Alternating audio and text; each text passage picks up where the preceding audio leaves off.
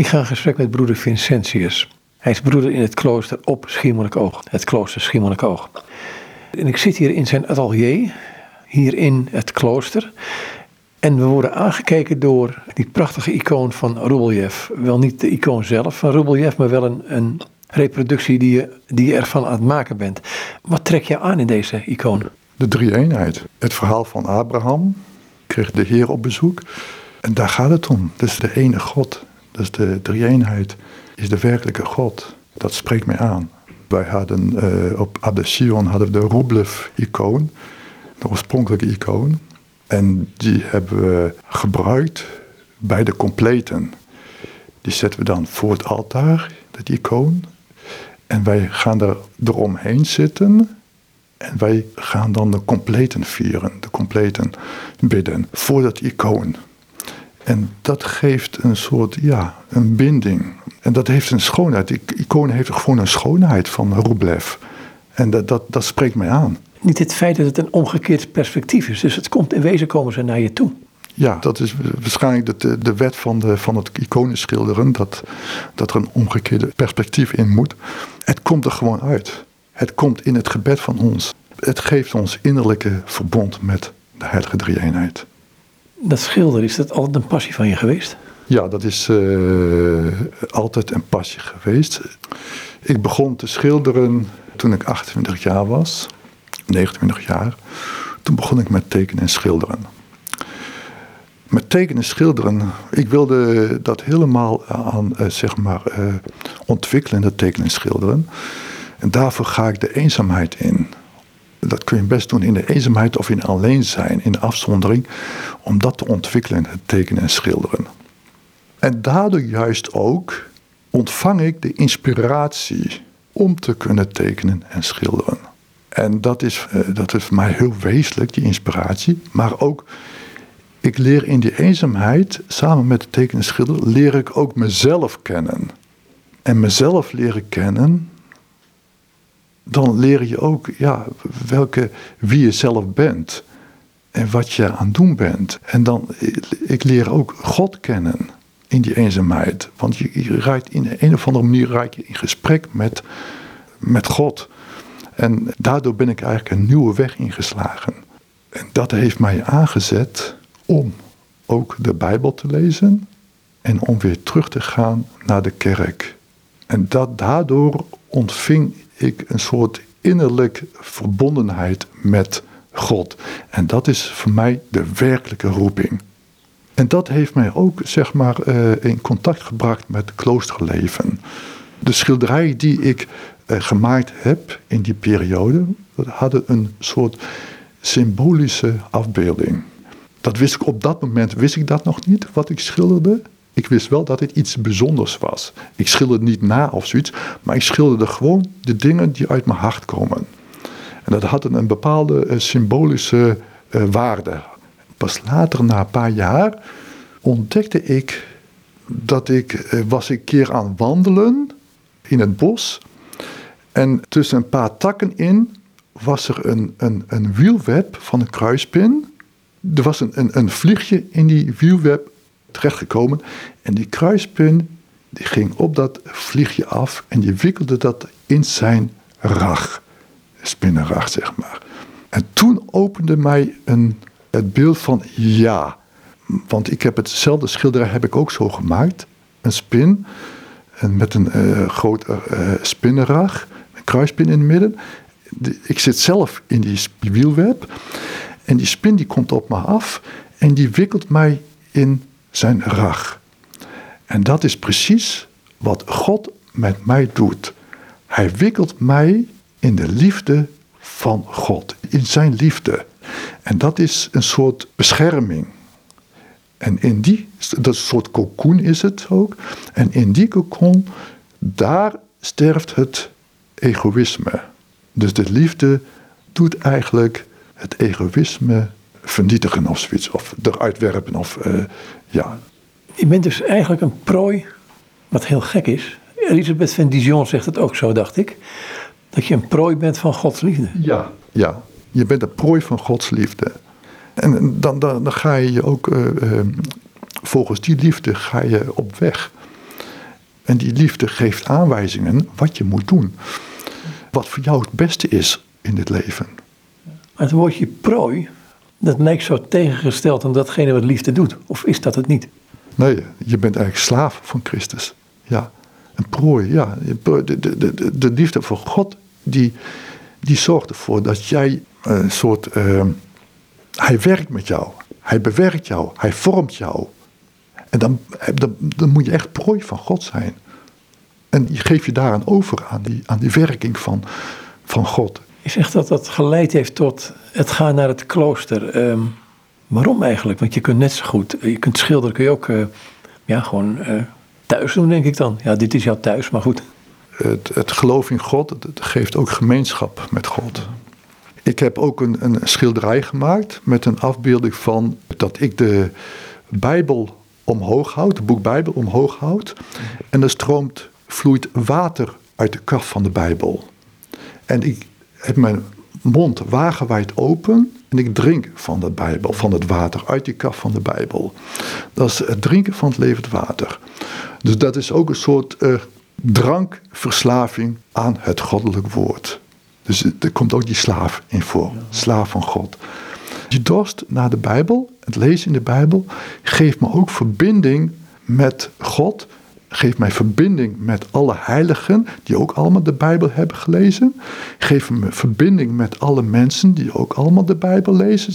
Geeft me verbinding met de engelen. Geeft mij verbinding met David, die de psalmen heeft geschreven. Het geeft me verbinding met al de ja, mensen in, in het Oude Testament, het Nieuwe Testament. En dat is zeg maar het gemeenschap vormen met al die mensen. En dat heeft me ook toegeleid om niet voortdurend in mijn eentje altijd maar aan het schilderen zijn. Want als je al te veel alleen zit, is ook niet goed. Je moet in gemeenschap treden. En daarvoor heb ik gekozen voor een monnikengemeenschap. En dat is volgens mij de beste methode om zelf gezuiverd te worden. En daar gaat het om, de zuiverheid van het hart. En dat kun je het beste in, het, in de gemeenschap, leven in de gemeenschap met de monniken. Ja, hoe, hoe werkt dat dan?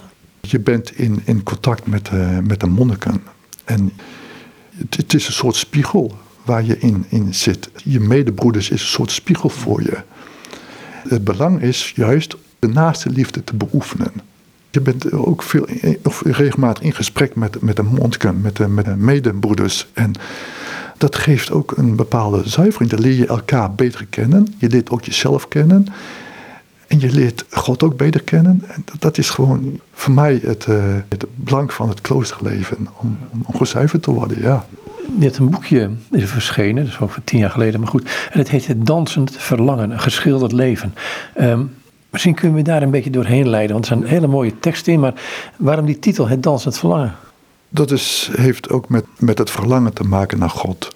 Met de blijdschap ook. Je ontvangt ook blijdschap, vreugde. En je bent in beweging. Je bent in beweging. Je bent uh, blij zijn is ook zingen voor God. Dan zing je ook voor God. En je danst ook als het ware. Niet letterlijk met je fysiek, maar innerlijk dans je. Dat is gewoon uh, een genade die je, die je krijgt. Om in beweging te blijven en te zoeken naar God. En ook, ook weer zelf, als je gezondigd hebt, dat je toch ook weer kunt zeggen van ik heb gezondigd en ik, heb, uh, ik moet mij zonde beleiden. En dat is ook een vorm van uh, beweging. En dat is het, gewoon het hele verlangen zit daarin. En dat is het dansende verlangen.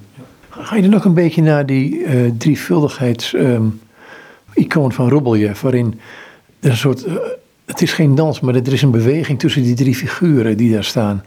Ze zijn op elkaar gericht, ze gaan met elkaar om. Je wordt in een soort goddelijke beweging opgenomen. Ja, je wordt in, in het goddelijke opgenomen. Dat is, dat is duidelijk. Je, je moet er ook je eigen de eenheid in vinden in het goddelijke. Dus ook geeft eenheid aan jezelf ook. En ook, je moet er zorgen ook voor eenheid met je medebroeders. Dus het is ook een soort spiegelbeeld voor ons, de heilige drie-eenheid. En ik denk dat dat het belangrijkste is, de eenheid met je broeders dit boekje, um, Een geschilderd leven, bestaat uit drie delen. Um, kunnen we gewoon eens mee doorheen nemen, wat schilderijen laten zien en wat commentaar erbij geven. En misschien ook vertellen hoe het nou allemaal is begonnen. Nou, ik ben geboren, mijn vader is pionier geweest. Dat houdt in? Pionier. Hij, is, uh, hij heeft meegeholpen met het ontginnen van de Noordoostpolder in de eind 30 jaren, begin 40 jaren voor, van de vorige eeuw. En toen hij daarmee klaar was, toen heeft hij een boerderij toegewezen gekregen in de Noordoostpolder. Een veehouderijbedrijf. Daar ben ik op geboren. Mijn vader was ook iemand die gelovig was, katholiek. En die echt iedere zondag de Eucharistie nodig had om kracht te ontvangen. En dat heeft je ook aan ons doorgegeven, aan mij zeg maar. Die kracht, die Eucharistie die heel belangrijk is. En dat is ook de reden dat je daarom ook de boerderijen kon ondernemen. En, en, en ook negen kinderen ter wereld kon brengen. En ook, ik ben de jongste van de kinderen. Dus ik ben daarop geboren, ik ben daar opgegroeid. En ik ben ook naar, want ik wilde ook boer worden. En ik ben in Emmeloord naar de lage landbouwschool geweest en de middelbare landbouwschool. Die heb ik afgemaakt. Daarna ben ik samen met mijn broer heb ik uh, gewerkt op het ouderlijke bedrijf van mijn vader. Mijn vader is, was al 65 jaar. Toen ging hij van uh, zijn bedrijf af. En heeft mijn broer het overgenomen. En ik heb samengewerkt met mijn broer. Tot aan mijn 28ste jaar. Nou, het verhaal wat ik net gelezen, ge, geschreven, of gezegd heb, dat is dan. toen wilde ik juist een ander leven leiden. Een leven van meer gebed, ik ontdekte het tekenen en schilderen. Want ik kon vroeger als kind kon ik ook goed tekenen en schilderen. Heb ik ook tekenen. Dus ja, dat, daardoor ben ik van het boerderij afgestapt. Maar, maar goed, een stapje van een boerderij of iets wat je graag had willen worden. Boer. Wat, wat, wat was de. Ja, je zegt het tekenen, maar dat is toch een hele, hele. Je moet toch iets loslaten dan? Ja, maar je kunt niet altijd met werken bezig zijn met hard werken op de boerderij of uh, de hele avond, uh, van s morgens tot s avonds uh, of de hele dag. En dan s'avonds nog een keer de hele avond televisie kijken of zoiets, of een pilsje drinken of zoiets. Dat kun je niet altijd doen zonder dat je een keer echt in de eenzaamheid gaat zitten om God te dienen.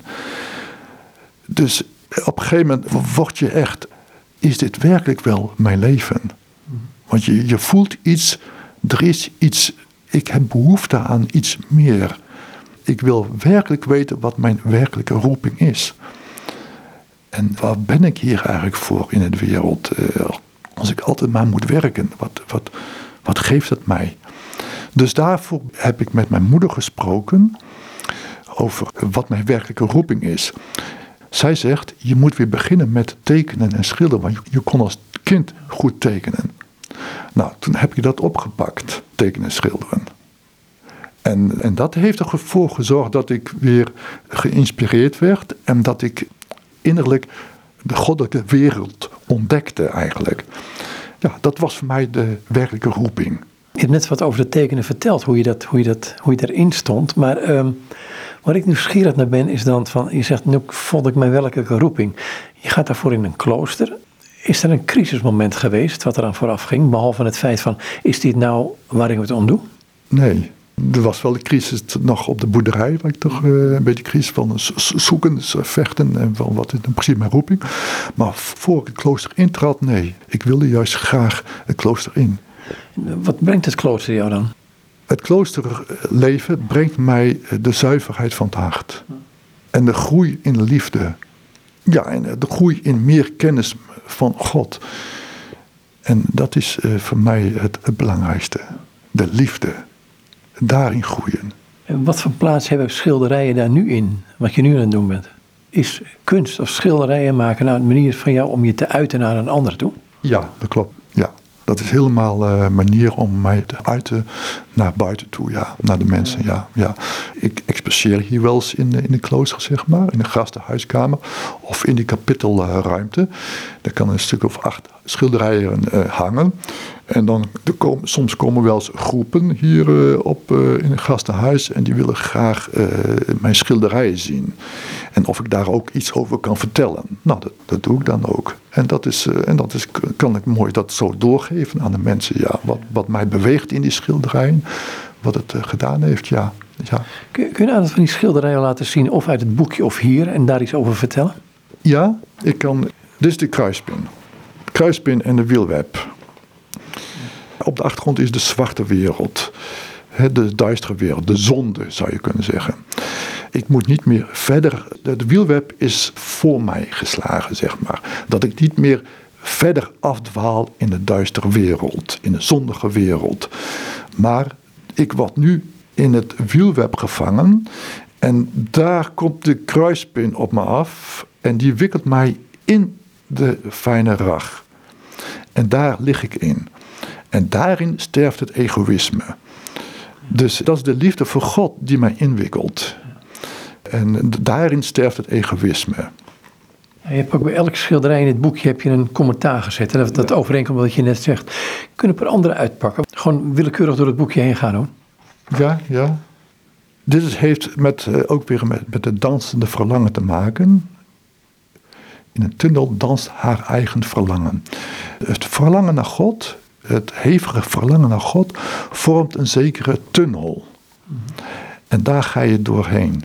En aan het eind van die tunnel is een lichtpuntje. En daar ga je naartoe, naar dat lichtpuntje. En dat is het kruis van Christus. Maar dit zijn schilderijen die je geschilderd hebt voordat je naar het klooster ging, of in het klooster. Ja, ja, ja, ja, ja dat klopt. Ja. De meeste schilderijen zijn voor ik het klooster, of eh, voor ik het klooster intrad uh, geschilderd, ja. Want ja, ik begon al op 28 jaar leeftijd en ik was 36 jaar toen ik het klooster intrad. Dus uh, in die tussenperiode tussen 28 en 36 jaar zijn eigenlijk min of meer de belangrijkste schilderijen geschilderd van mij, ja.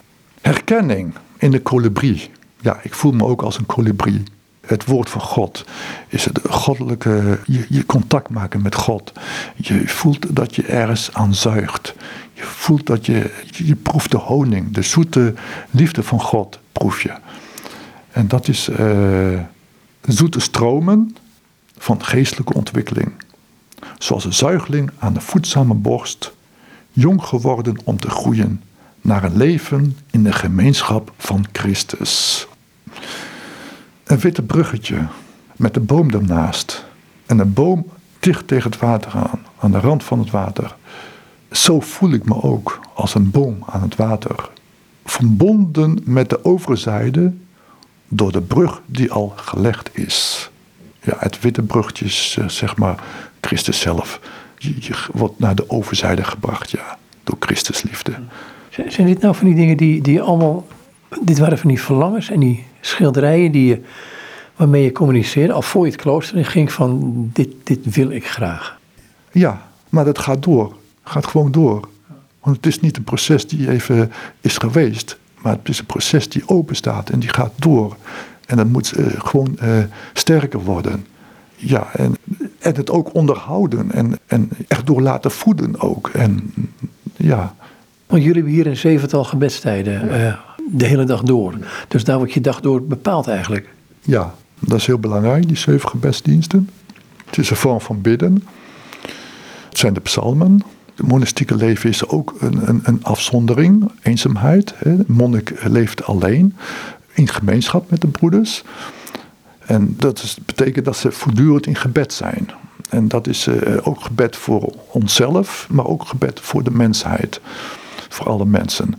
De zeven gebedsdiensten is heel belangrijk. Omdat ook goed de woorden die je bidt, dat het ook overeenstemt met je hart. Dat je dat ook met je hart uh, bidt, zeg maar.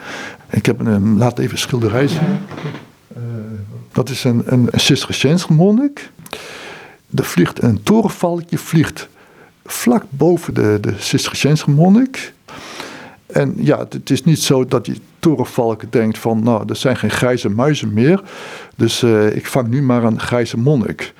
Maar het is een meer de verbinding met een torenvalk, is dat een torenvalk zeven muisjes per dag vangt. En een monnik die bidt zeven diensten per dag. Een torenvalkje die bidt. Hij bidt eerst en dan kan hij iets ontvangen. Dan kan hij iets grijpen, pakken. En zo is ook een Cisterciënse monnik, als die een gebedsdienst bidt, dan ontvangt hij ook genade.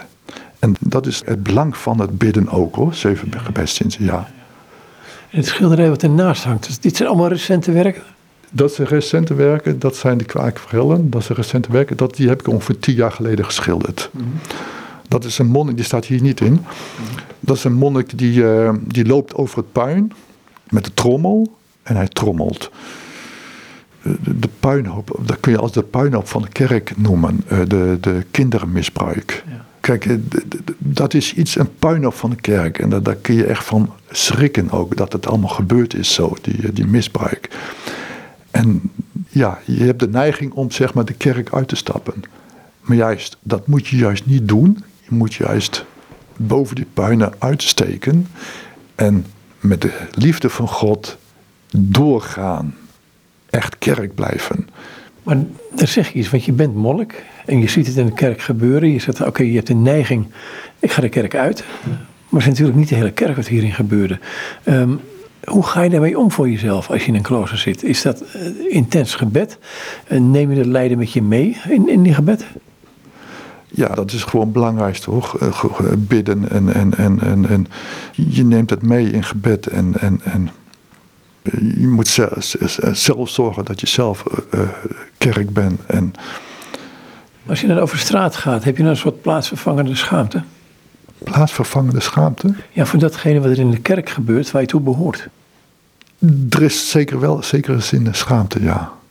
Ja, dat soort dingen gebeurd zijn, ja, ja, ja. Dat is wel zo. Dat had ik toen ook, ja, ja. De schaamte. Wat, wat wil je met die trommelende monnik duiden daarin? Dat is min of meer sterk blijven. Niet je laten ontmoedigen. De liefde van God tonen. Bidden dat het weer goed gaat komen. Spelen de slachtoffers daar een rol in? Ja, ja, ja want je bidt voor die mensen ook. Dat, dat, ze, dat het goed komt, ja, ja, ja. Dan staat er nog een andere schilderij en dat lijkt me meer schiermoeilijk oog wat ik daar zie. Ik zie gewoon Pameo, ik zie water, ik zie de zee en een grote massa, een boei en een grote massa mensen. Ja, dat is, heb ik ongeveer een paar jaar geleden geschilderd. Wij zitten hier natuurlijk aan zee. En ik loop regelmatig aan het strand. En ik kijk regelmatig het, de zee in, de zee op. En ik denk, hé, hey, ik ga iets... Ik wilde een, een hele hoop mensen schilderen die over het strand lopen. Mensen op zoek naar de waarheid. Mensen op weg naar God. Toen dacht ik, nee, laat ik mensen schilderen, een hoop mensen schilderen die over het water lopen van de zee. Dus dat heb ik eh, zo gedaan. Dus een gemeenschap mensen, je zou kunnen zeggen een kerkgemeenschap, die over het water wandelen. Hun geloof draagt hun over het water. En die voorste man, die middelste man, een beetje dikke man, en die zingt de, de, de, de liederen door de Heilige Geest ingegeven. En dat geeft hem kracht om over het water te wandelen. Ik, kijk hier ondertussen een ander schilderij uit het boekje. Daar staat iets, zo'n vreemd zinnetje naast. Leren omgaan met de genade en het uitdragen. Dat leren omgaan. Kun je er iets over vertellen? Aan de hand van dit schilderij? Je ontvangt genade van God. En dat zet je in beweging. En daar moet je leren mee omgaan. De broeders die je, die je gegeven zijn, dat, zijn ook, is ook een genade. En daar moet je ook leren mee omgaan. Ook leren omgaan met die mensen die ik wel eens uitleg aan de hand van de schilderijen. Ook daarmee leren omgaan. Leren omgaan met de werkzaamheden die je te doen hebt hier. Ja, het is een, een, een, een leren omgaan. En het uitdragen. Maar wat zien we niet in het schilderij? Wat, wat, want ik ik herken dat er niet in als ik die teksten niet bij had gehad. Er is een boom, twee takken met bladeren. En op die bladeren, die takken, ligt een wolkje. Dus dat is de genade van God. Dus je bent als het ware een boom die open staat om de genade te ontvangen. En uit die boom komt water uit. Dus dat is eigenlijk zeg maar het doen van de. eh, en daar, daar trek je ook een wit kleed uit, zeg maar, die monnik. Dat is eigenlijk je, werk. De, de, de genade zet je aan om te werken, om de goede dingen te doen, om lief te hebben. Dat, dat is eigenlijk het, het, de genade, de, dat, dat water wat uit, je, uit die genade komt, zeg maar. Of eh, wat je geeft, wat, wat je geeft aan je broeders, wat je geeft aan de mensen, wat je het hele leven hier op Schiermonnikoog. En daarna komt er een prachtig schilderij, als het wel van twee. Ik moet bij de ene man denken aan Hein Blommestein, maar die zal het niet zijn. Je mag dit erbij lezen, want dit vind ik wel, dit, dit heeft iets weg van wat er nu gebeurt. Alles wat tot nu toe gebeurd was, bleek een doel te hebben. De artistieke periode, de stilte, het ontdooien, de bewustwording van het verlangen dat in mij leefde, de groei, het besef van geborgen zijn. Alles was wegbereiding geweest, bedoeld geweest voor dit, monnik worden. Er volgde een proeftijd bij de Cisterciensers, een tijd van geënt worden op oude stam. Een tijd waarin ik samengebracht werd met anderen in gebed, studie en arbeid. Een tijd om met de anderen samen het evangelie te leven en te beleven, volgens de regel van de heilige Benedictus.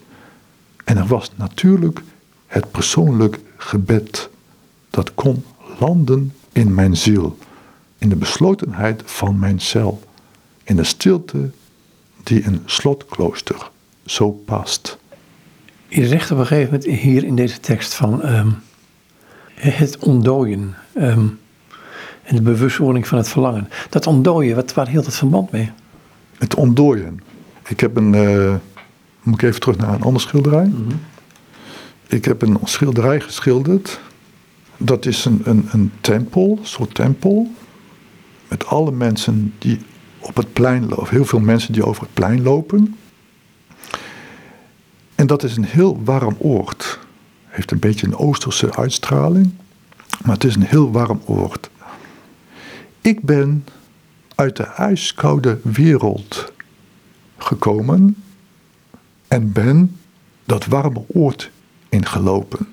En ik ben naar de voorgrond heb ik gelopen en ik zit daar aan een pierenbadje, opgebouwd, immens opgebouwd uit ijsschotsen, met een een houweel naast hem. Want daarmee heeft hij zich geslagen door het ijs om hier in het warme oor te komen. Ik ben hier gekomen om me te laten ontdooien. De liefde van God, die ontdooit het egoïsme. En je, ziet hier... je mag het wel lezen, want hier is een, is een prachtige tekst bij. Mijn ziel genoot van dit nieuwe verblijf. Het was vertoeven in de diepste verborgenheid een prachtig Oosters koninkrijk, gelegen boven alle aardse koninkrijken. Ik was verrukt door de schoonheid van Gods schepping, wilderige bomen tot aan de horizon, als een zee van groen, langzaam overgaand in het ochtendrood. Glinsterende nevels, reizend tot in het hemels blauw, glanzende beken die eeuwig stromend blijven, bronnen die ontspringen en leven schenken waar dorst heerst. En het was er warm, nergens anders was er die warmte. Verheugd met de mensen die daar waren, want daar was barmhartigheid het leven. Ja. Je, je wilde nog een andere schilderij laten zien. Toen je, oh, ja. zien dat even, hier zie je dan dat uh, de mensen opgebouwd uit ijsschotsen. Ja. De ziel eigenlijk is het, het is de ziel. En die is gewoon, uh, die, moet, die wordt ontdooid. Dat kan ik ook lezen. Daar zat ik aan de rand van het water. Met alles wat mijn ziel met zich meedroeg. Christus had voor mij geleden, was gestorven voor mij. En meer en meer werd mijn ziel zich in haar eigen ellende daarvan bewust. Als een schaduw zo snel volgde het berouw. Ik wierp me op de grond, smeekte om vergeving, als heilzame balsem voor mijn wonden. Dan lag ik, op mezelf teruggeworpen. Het bracht me tot het echte aanroepen van de Heer. Want zonder Hem, waarheen? Dat was de beklemmende vraag aan het eind. Zonder Hem, waarheen? Ja, waar kun je zonder Hem naartoe? Je kunt niet zonder Hem leven. Want zonder Hem ben je gewoon machteloos. En dan heb je geen heil, dan heb je geen hoop, dan heb je geen verlangen. Dan, dan is er gewoon niks, dan is er ook geen heilzame uitzicht. En het heilzame uitzicht, dat, dat, in een bepaalde mate ervaar je dat nu in het klooster. Of tenminste na dit moment eigenlijk. Ja, ja want je gaat eigenlijk uh, opnieuw door het ijs, ijskoude wereld. Maar met de hulp van Christus. met de liefde van Christus. En daar sla je weer, dat, dat, dat heeft de kracht om door het ijs te slaan, zeg maar. Hè, door de, en dat is de ijsbrekers, dat is dat, eh, dat schilderij daar. En dat is de ijsbrekers. Nu uitgebeeld een hele groep mensen. En, en, en de, de- de- deze breken een weg door het ijs. Het is een soort ijszee, eh, bevroren. En deze mensen slaan gewoon een, een, een, staan in het water en die slaan een weg door het, door het ijs. En dat is eigenlijk de strijd ook. En dat blijf ik doen tot aan het einde van mijn leven, ja. Dat is de bedoeling, ja. Die weg in te gaan. En die weg te volgen, wat ook andere mensen doen. De kerkgemeenschap, de kerk. Het is voor het eerst dat ik, ja niet het schilderij zie, dat is logisch, want ik ben hier niet eerder geweest. Maar dat ik het vergelijking zie tussen het feit dat wij ons een weg door het ijs slaan. Dat, ik heb dat nog nooit zo gehoord eigenlijk. Hoe, hoe kwam je erop? Ik had dit schilderij al geschilderd met, deze, met een mensje erop. Ik was er aan het schilderen. De tempel wilde ik schilderen, een beetje oosterse sfeer zeg maar. Maar ik wilde ook nog mezelf afbeelden. Dus ik heb mezelf zo afgebeeld als een ijsgods. Met opgebouwd uit ijsgodsen. Maar ik wist niet wat dat betekende. Totaal niet. Ik had wel het gevoel, het moet iets betekenen, maar wat het wist, weet ik niet. Maar twee jaar later ontdekte ik een tekst van Jacob Noordmans. Er stond een tekst van, de zondige ziel is als bevroren, bekeren is ontdooien. En toen ging er iets open bij mij. Hé, hey, ik ben zelf die mens, ik moet me laten ontdooien. Daarom ben ik hier gekomen. En dat gaf mij, eh, ja, dat opende mij eigenlijk de schilderij.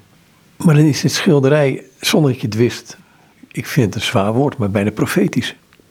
Ja, ieder mens, eh, als die gelovige mens, die kan iets, iets, iets profetisch in zich hebben, ja. Waarschijnlijk was dat nodig geweest om um, niet direct uh, de betekenis te zien, maar een soort ontdekking. Het is ook een ontdekkingsreis, zeg maar, het, het, het spirituele reis. Ja. Hoe bedoel je dat? Nou ja, een spirituele reis, ja goed, dat is het. Als ik de Bijbel lees, is het gewoon een, een, een weg met ontdekkingen en zo. Je, je, je, je, kent nog niet de hele Bijbel uit je hoofd, maar je, je, je ontdekt dingen. Je gaat ook steeds dieper in de, in de, in de woorden die, die, die er staan in de Bijbel. Ik zie hier ook landschappen hangen van, ja, je bent op Schiermonnik oog, hè? Um, ja. Koeien gewoon en um, prachtig landschap. En ja, die beesten horen hier gewoon thuis als een landschap, denk ik dan, maar goed. Ja. ja, nou ja, ik kom ook van de boerderij af. Ik ben ook opgegroeid op, uh, met uh, boerbedrijf of uh, met koeien en zo dat, gaat, dat blijft gewoon doorgaan hoor, de koeien schilderen. Als ik graag een koe, koe schilder. Maar een koe, een koe kan ook heel rustig uh, in, een, in een weiland herkauwen, liggend. Dus ook een soort symboliek. Een mooi beeld voor ons, ook voor, voor degene die de schrift herkauwt. Dat geeft een rust, vrede. Dat zie je ook aan een koe. Geeft rust en vrede, dat herkauwen. Ja. Nog een paar schilderijen pakken die hier. Dit is weer een landschap. Ja, dit is weer een landschap met bomen. Staat één boom staat daarvoor. Er staat, uh, die, op, over die hele boom is verspreid uh, dauw. Dauw, uh, wolkjes, dauw zeg maar. En uit die stam van die boom stroomt water. Dus dat is weer de open gaan. Dus je ontvankelijkheid voor God. Ontvankelijk zijn voor God. Openstaan voor God. Dan ontvang je de genade. En dan kun je het levend water kun je doorgeven, zeg maar. Dat kun je in goede daden doen. En dat is heilig. Hoe stel je je open voor God? Dat is in de stilte en de eenzaamheid zijn. Jezelf leren kennen, jezelf leren uh, erkennen. Bidden tot God. Met liefde de Bijbel lezen. Met liefde schilderen. Met liefde je werkzaamheden doen. En met liefde omgaan met je broeders. Uh, dat is openstaan voor God.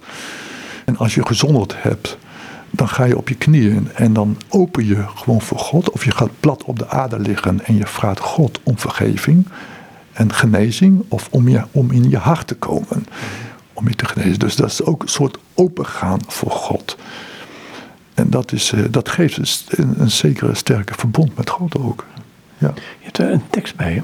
Een klein kind zijn, arm van geest zijn. Zoals dat kind open armen. Zo open als een boom, zo open is het vertrouwen. Hemelsdauw zal ik ontvangen. Het is een merkwaardig schilderij, mag ik dat zeggen? Ja, dit is een, een monnik op een eh, meerpaal midden in het water.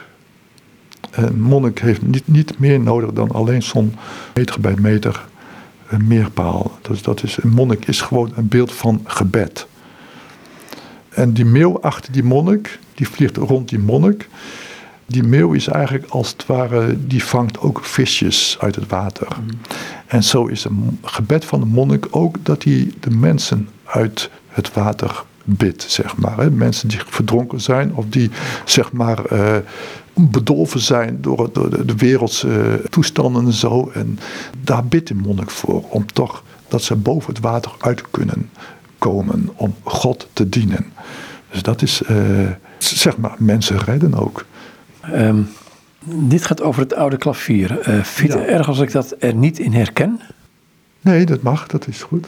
Dat zie ik wel, want ik, ik zie alleen maar bomen, ik zie delen van een bos. En een, een- monnik eh, aan het orgel spelen. Dus er zit een klavier in die boom. En die speelt orgel op die klavier. Oude boom. Eens liep ik diep het bos in. Hoe verder ik kwam, hoe donkerder het werd. Ik was midden in het bos toen ik plotseling voor een reusachtige boom stond. Hij was dik en hoog. Zo hoog en zo dik had ik nog nooit eerder gezien. Je moest er echt omheen lopen om verder te kunnen wandelen. Toen ik er omheen liep en de boom bekeek, zag ik tot mijn verbazing dat er een klavier was ingebouwd. Het leek door mensenhanden gemaakt, maar naar alle waarschijnlijkheid was het klavier ontstaan tijdens de groei van deze reusachtige boom. De ruimte om de toetsen heen was begroeid met bladeren en vlak ervoor was een deel van een boomwortel uit de grond gekomen. Die was eveneens begroeid met bladeren en deed dienst als pianokruk. Alles zag er heel sierlijk en compleet uit, maar er had nog nooit iemand opgespeeld. Waarschijnlijk omdat het zo donker was. Of omdat er nog nooit iemand tot hier gekomen was in het bos. Ik wilde weten of er uit deze oude boom werkelijk muziek zou kunnen komen. Maar piano spelen kon ik niet. Brutaal nam ik toch plaats op de begroeide kruk. Ik tastte voorzichtig naar het klavier en drukte een toets in. Opeens stak er hoog uit de boom een orgelpijp, die klonk als een bazuin. Het geluid doordrong het hele bos. Het gebladerde werd verlicht en alle bo- bosbewoners stormden nieuwsgierig op de herkomst van de klanken af. Het bos verkeerde in feestelijke blijheid en het wild werd tam. Bij het horen en zien van dit spektakel nam de vreugde ook mij in zich op. Doorspelen. Ik wilde alleen nog maar doorspelen. De ene na de andere toets raakte ik aan. De een na de andere orgelpijp stak uit de boom en liet zijn bezuingeschal horen. Een nieuw lied werd geboren en de vreugde was compleet. Ja, nou dat is puur innerlijk eh, wat je innerlijk beleeft gewoon. De innerlijke vreugde en, wat je waar je nooit bij was geweest, bij, bij was gekomen. Je komt er nu echt diep in die boom zelf, die ik zelf ben. En daar zit een klavier en daar speel ik op. En dat, ik denk dat het toch ook met het dansen verlangen te maken heeft. Ja. Is, is, is dat jouw manier om je uit te kunnen drukken? Want eh, sommige mensen, zoals, als uh, Arvo Peert of Messiaen, doen het met muziek. Anderen kunnen het prachtig met woorden. Maar Ja. dit is jouw manier om gewoon eh, ja, om je te, te uiten. Ja, ja, dat klopt. Ja, ja dit is puur eh, om om mezelf te uiten. Ja, ja. Om dat te kunnen. Ja, ja. Ja, dat, dat, dat is een genade. Dat is een gaaf die ik gekregen heb. Ja. En dan kom je mensen tegen die komen je schilderijen bekijken. En die begrijpen het niet allemaal even makkelijk, denk ik. Nee, nee. Je moet er wel uitleg aan geven. Pas als je er uitleg aan geeft, dan begrijpen ze het. Dan weten ze het. En dat komt heel dicht bij de kern eigenlijk. Het is de, overgave ook aan God. Dat is heel herkenbaar ook. Dat mensen herkennen. Heel veel mensen herkennen erin. In dit schilderij, ja, in deze schilderijen. Dat hoor ik heel vaak. Dit, dit zijn wat meer. ehm, ja, het, zijn, het zijn aparte schilderijen. Want je, nou, beschrijf het maar. Want eh, we komen nu bij een aantal schilderijen waar ook mensen op afgebeeld zijn. Ja, ja, monniken op afgebeeld.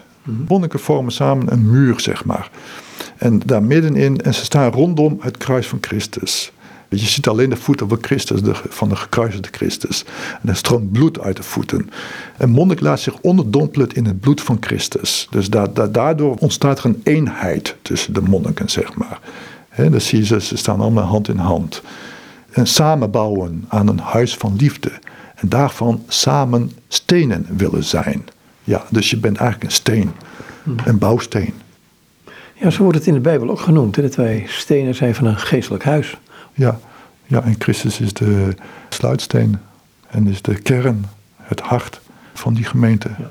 Het zijn twee mensen. Ja, ik ben uh, drie maanden, uh, 15 jaar geleden alweer, drie maanden even tussenuit geweest uit het kloosterleven. Even in een verzorgingshuis gaan werken in Roermond. En dat was een hele bijzondere ervaring. Daar werk ik dan mee gewoon met de verplegers, zeg maar. Daar werk ik dan mee. Of met schoonmaken en zo. Ging ik ook wel zitten naast de patiënten die daar lagen. En dan ging ik een boekje voorlezen wel eens, ja. Maar waarom deed je dat? Um, want je zat er in het klooster in Diepeveen op dat moment. Ja, ja. Werd je gezonde of, of wilde je het zelf? Ik wilde zelf. Ik, uh, ik vond dat het er gewoon even nodig was om even, even eruit te gaan. Ben ik wel werkelijk bezig, goed bezig om monnik te worden. Is het, het werkelijk wel uh, echt mijn leven. Uh, het was een beetje een crisis voor mij ook. Wat bestond die crisis uit? Nou, ik was behoorlijk ascetisch. Dus dat was ook niet altijd goed. Ik twijfelde een beetje aan mijn bestaan.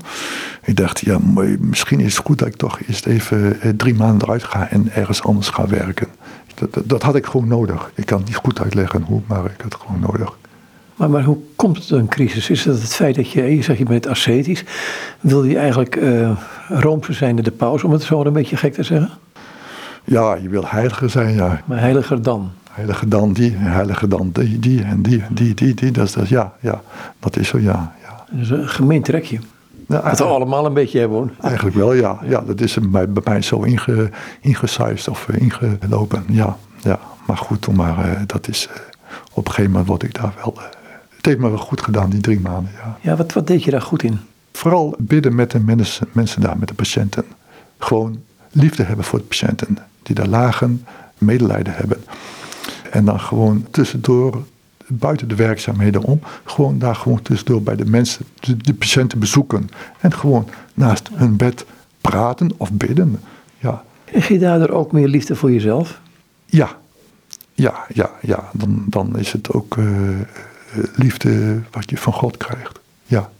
Maar heb je dan, zoals hier met het schilderij ook, heb je dan die tastbare aanwezigheid van mensen die lijden nodig um, om eigenlijk dat hele ascetische gedrag van jou, van het beter willen zijn, of die ambities het misschien wel, om dat uh, te ontdekken wat het was, waardoor je daarna weer werkelijk als kloosterling of als monnik verder kon leven. Ja, dat geeft een bepaald soort nederigheid, zo met de mensen omgaan. Is nederigheid. En dat is, dat is eigenlijk eh, ook wel een kern van het uh, uh, christelijk leven. Dat geeft me toch een, een, soort een beter beeld van wat monnik zijn is. Mhm. En dat, dat, moet ik zo ook doorgeven aan de, aan de broeders, zeg maar. als een broeder hier bij ons zoek is, dat ik dat ook hetzelfde kan doen. Ja. Wat, wat is een monnik dan? Want je zegt het is het uitzuiveren op een gegeven moment. Ja.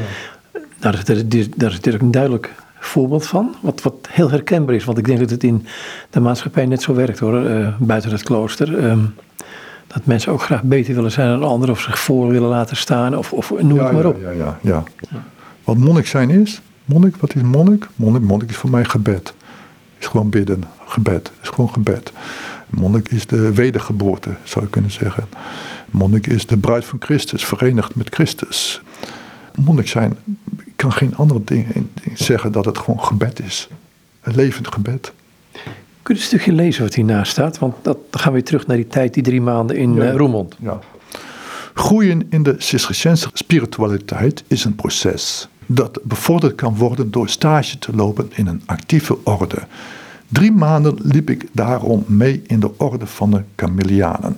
Hun roeping is zorg bieden aan zieke mens, met hem meegaan, de diepte proeven van zijn spiritualiteit en behulpzaam zijn in de geest van Camillus.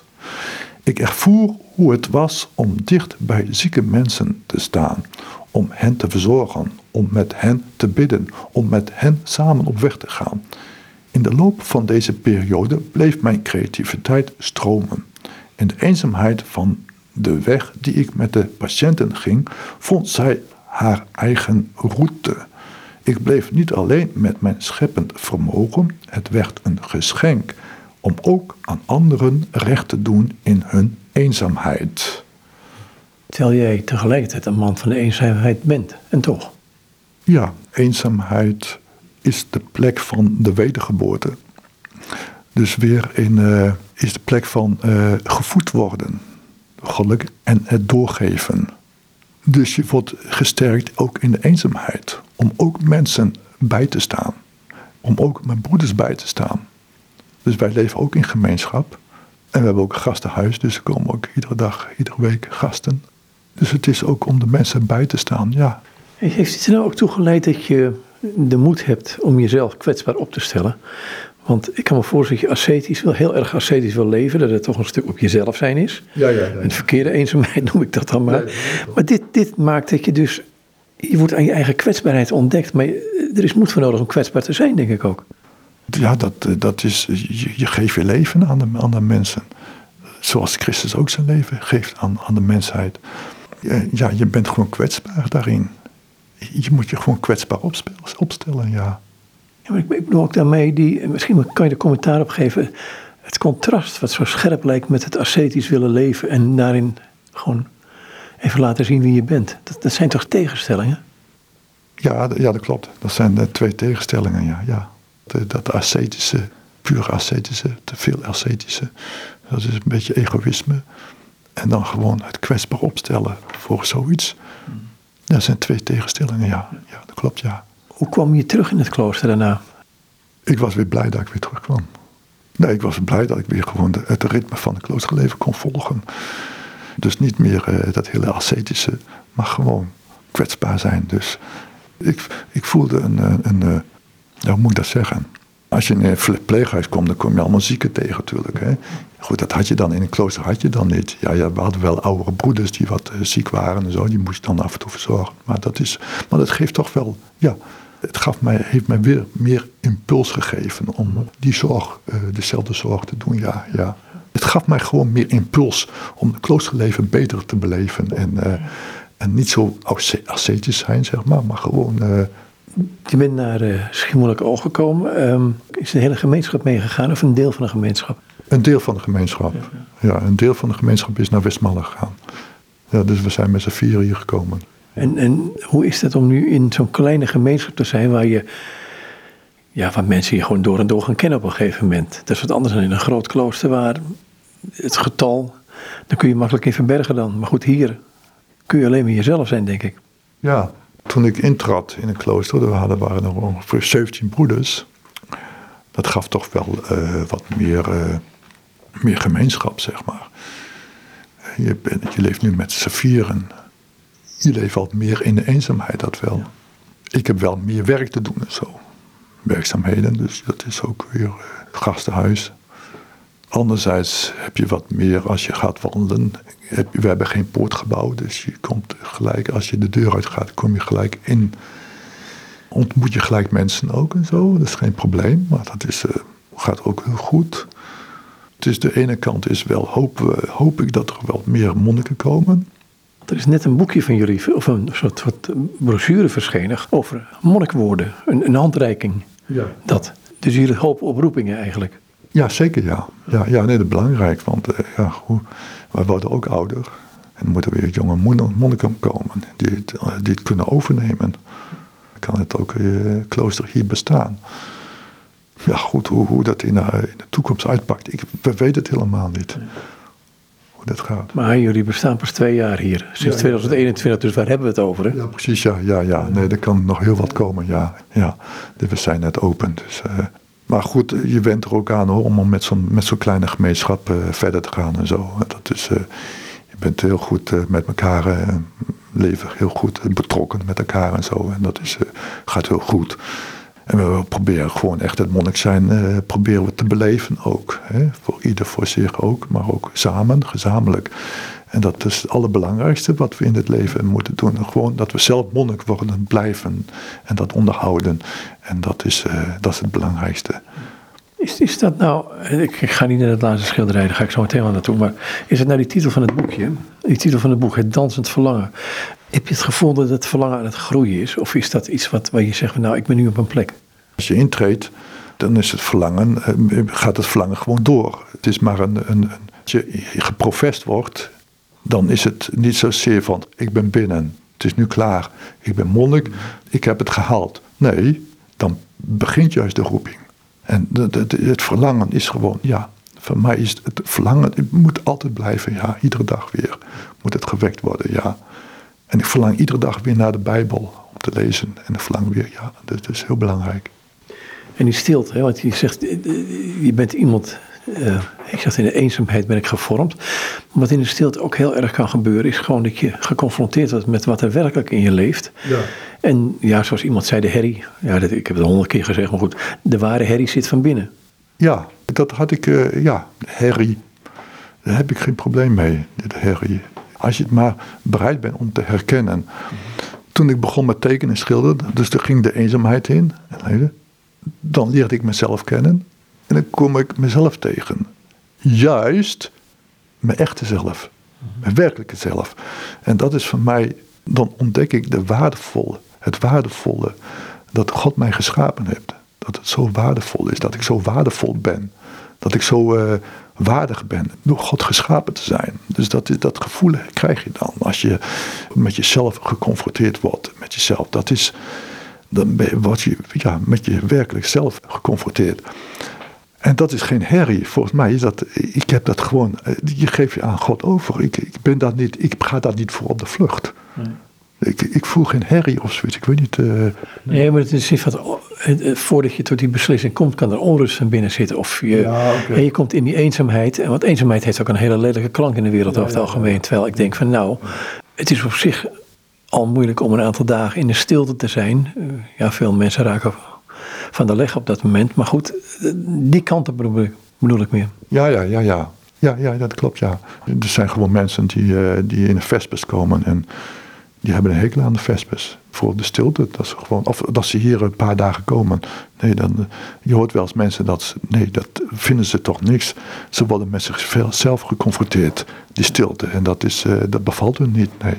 Ja, ik denk toch dat het gewoon dat, dat noodzakelijk is. Dat je dat, daarmee geconfronteerd wordt. Wat ga je, hoe, maar hoe ga je daarmee om? Ga je daarmee naar God? Of ga je vluchten? Of ga je weer de stilte uit en ga je weer je eigen verlangens volgen? Wat doe je dan met die, uh, met die herrie? Want je kunt best naar God toe gaan. Daarin blijven en dat niet zomaar uh, loslaten. Om je door die kruispin te laten vangen en laten inpalmen. Ja. En de God te laten inpalmen. Als een, ik vind dat nog steeds een. Elisabeth Dion zegt het ook. Hè. Ze zegt.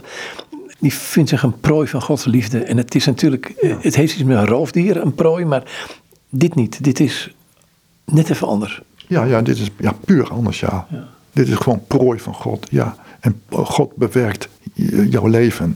Ja, hij vormt jouw leven. Hij heeft jou geschapen. En je moet daarvoor openstaan, voor, die, voor de handen van God, voor de vorming. Dus dat is prooi, gewoon prooi zijn, ja. Gewoon eigenlijk, uh, je bent gewoon as en stof ben je. Je, je hebt geen, uh, geen macht, dus je moet je helemaal aan God overgeven, ja, ja. Het gek is dat je dan niet opgegeten wordt, maar misschien wel verteerd door de liefde, maar je komt tot leven. Je komt tot leven. Ja. Je komt helemaal tot nieuw leven, wedergeboorte en leven in God. En dat is uh, fantastisch gewoon. Ik had het de laatste schilderij gaan uit het boekje. Ja, je, je hebt er ondertussen veel meer gemaakt natuurlijk. Maar ja. um, gewoon het mee af te nou, Misschien sluit ik wel af met de Roebeljef nog. Maar laten we eerst naar dit, dit schilderij gaan. Want wat zie ik hier? Er is een hertje op de achtergrond. En een jongetje, klein jongetje, die, die rent van blijdschap, rent hij. Zal ik het even voorlezen? Het Cisterciënser leven riep me op om verder te kijken. Waar had ik behoefte aan op mijn geestelijke weg? Een studie in de spiritualiteit van het religieuze leven hielp me groeien naar een leven in gemeenschap. Waardevol, dit verder kijken. Want het was het kind in mij dat nu de kans kreeg zich te ontwikkelen, te groeien, te rijpen, vrucht te dragen. Dat was ruimte hebben om te spelen. Dat was uiteindelijk op weg gaan. Is dit wat, wat ik ooit mijn Dag Hammarskjöld zei het, maar ook, ook een, een Franse filosoof ehm, of schrijver, dat de langste weg is de weg naar binnen. Proef ik dat een beetje bij jou? Dat, dat die weg, die je hier ontdekt, in een klein klooster, in de eenzaamheid, dat daar die ruimte zo onmetelijk is. Ja, het is allemaal innerlijk. Je gaat een innerlijke weg. Dat geeft wel een, en wat ik proef uit dit laatste stukje, een enorm uitzicht ook nog een keer. Ja, het geeft uitzicht, ja. Ja, dat geeft enorm veel uitzicht. Geeft enorm veel hoop. Dat is ook de bedoeling dat je ook gewoon puur je, je, overgeven aan God. En dat is voor mij eh, het belang ook in, eh, in het geestelijk leven. De ruimte eh, creëren dat je gewoon lief hebt om alle dingen wat je te doen hebt. Dat je dat doet met liefde doet en zo. En dat is. En daarin groeien ook. Bij mij is ook nog steeds groeien nog steeds noodzakelijk hoor. Dat is echt zo. Daar heb je ruimte voor nodig om te groeien. Dat is gewoon zo. Eenzaamheid is niet een, een, een iets beperkt, iets zoals stilte. Maar dat is juist een, iets wat, wat je doet uitdijen, zeg maar. En dat is een, eh, ja, een eh, innerlijke weg. Het is, die is, is heel lang gewoon. Gewoon, en dan kijken we naar de, nogmaals naar de icoon van Robeljev. Ehm, is dat die ruimte die gecreëerd wordt? Gewoon het, het omgekeerde perspectief. Hij komt naar je toe. Ja, ja, dat is die ruimte, dat hij, dat hij naar je toe komt. Daar, daar gaat het om. God komt naar de mens toe.